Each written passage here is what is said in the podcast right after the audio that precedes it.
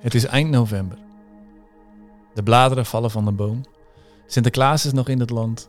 En de voorbereidingen voor kerst zijn ook alweer losgebarsten. Mijn agenda zit vol. En in dit geval mijn hoofd ook. Mijn hart daarentegen voelt een beetje leeg aan. De laatste weken is het steeds geleidelijk aan moeilijker gebleken om de rust bij Jezus op te zoeken. En zo loop ik in regelmodus de kerk door totdat ik een geluid hoor. Het klinkt als een walkie-talkie. Huh? Er is vandaag niemand met die dingen op pad. De bouwlieden hiernaast moeten hem wel erg hard aan hebben staan, denk ik. Ik loop even verder en ik hoor het opnieuw. Het lijkt toch echt van binnen de kerk te komen. Mijn nieuwsgierigheid is gewekt. Op de trap draai ik me om en ik loop terug naar waar ik het geluid hoorde. En ik kom in een ruimte vol walkie-talkies. En ja, ik hoor het nogmaals. Stukje bij beetje kan ik het geluid beter onderscheiden. Het is daadwerkelijk zo'n ding. Een van de walkie-talkies staat niet goed op de oplader en dat laat hij weten ook. Door de hele ruimte klinkt Recharge your battery.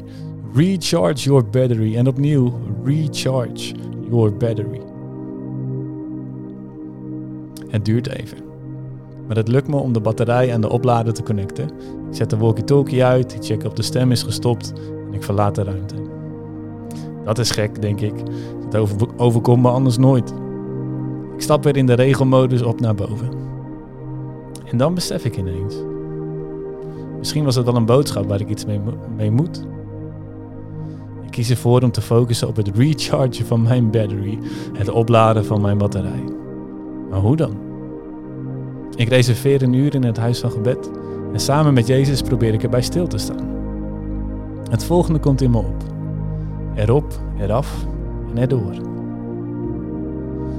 Wanneer ik me te druk voel om tijd met Jezus door te brengen, moeten sommige dingen erop. Sommige dingen eraf. En bij sommige dingen moet ik er even doorheen. Hier heb je een aantal voorbeelden en doe ermee wat goed voor je is. De dingen die erop moeten. De meeste energie krijgen we door te slapen en te eten. Geestelijk voedsel telt dan natuurlijk ook mee. Dus de Bijbel induiken gaat erop. En dat kan zijn één Bijbelvers in de ochtend, dat je probeert mee te nemen de rest van de dag. Of één psalm of ander hoofdstuk uit de Bijbel. Krijg je meer energie van dan tekst, ga ervoor. Maar er geldt altijd iets is beter dan niets. En ben je onderweg terug van school, werk of de winkel of iets dergelijks? Spreek uit waar je God vandaag dankbaar voor bent. Ook dat geeft nieuwe energie. Dan de dingen eraf. Van sommige dingen weet ik eigenlijk al wel dat het me in de weg zit. Sport, nieuws of YouTube-filmpjes kijken. Neem je voor de afleidingen te elimineren. En mocht dat in je eentje niet lukken, vraag dan anderen om mee te helpen. Een vriend van mij zei afgelopen zomer tegen me: In drukke seizoenen leer om te snoeien. Snoei door tot de basis, het fundament, het wezenlijke overblijft. Zo heb ik in een aantal gesprekken drie maanden uitgesteld. Ze zijn wel enigszins belangrijk, maar zeker niet urgent. En dat was oké. En dan blijft er uiteindelijk nog een stapel dingen over. Misschien zag je er al een lange tijd er erg tegenop. Probeer omstandigheden te creëren waarop het je wel lukt om het te doen. Zoek anderen op. Zoek een juiste plek op. Alles wat je dan ook maar helpt. Want we willen integer zijn, mensen van ons woord. Sommige dingen moeten gewoon afgerond worden. Daar moeten we doorheen. Het afronden geeft ook voldoende, want het helpt je om in je bestemming te wandelen. En bedenk dan liever volbracht dan volmaakt. En soms is het gewoon te veel. Geef dat ook aan. Accepteer het.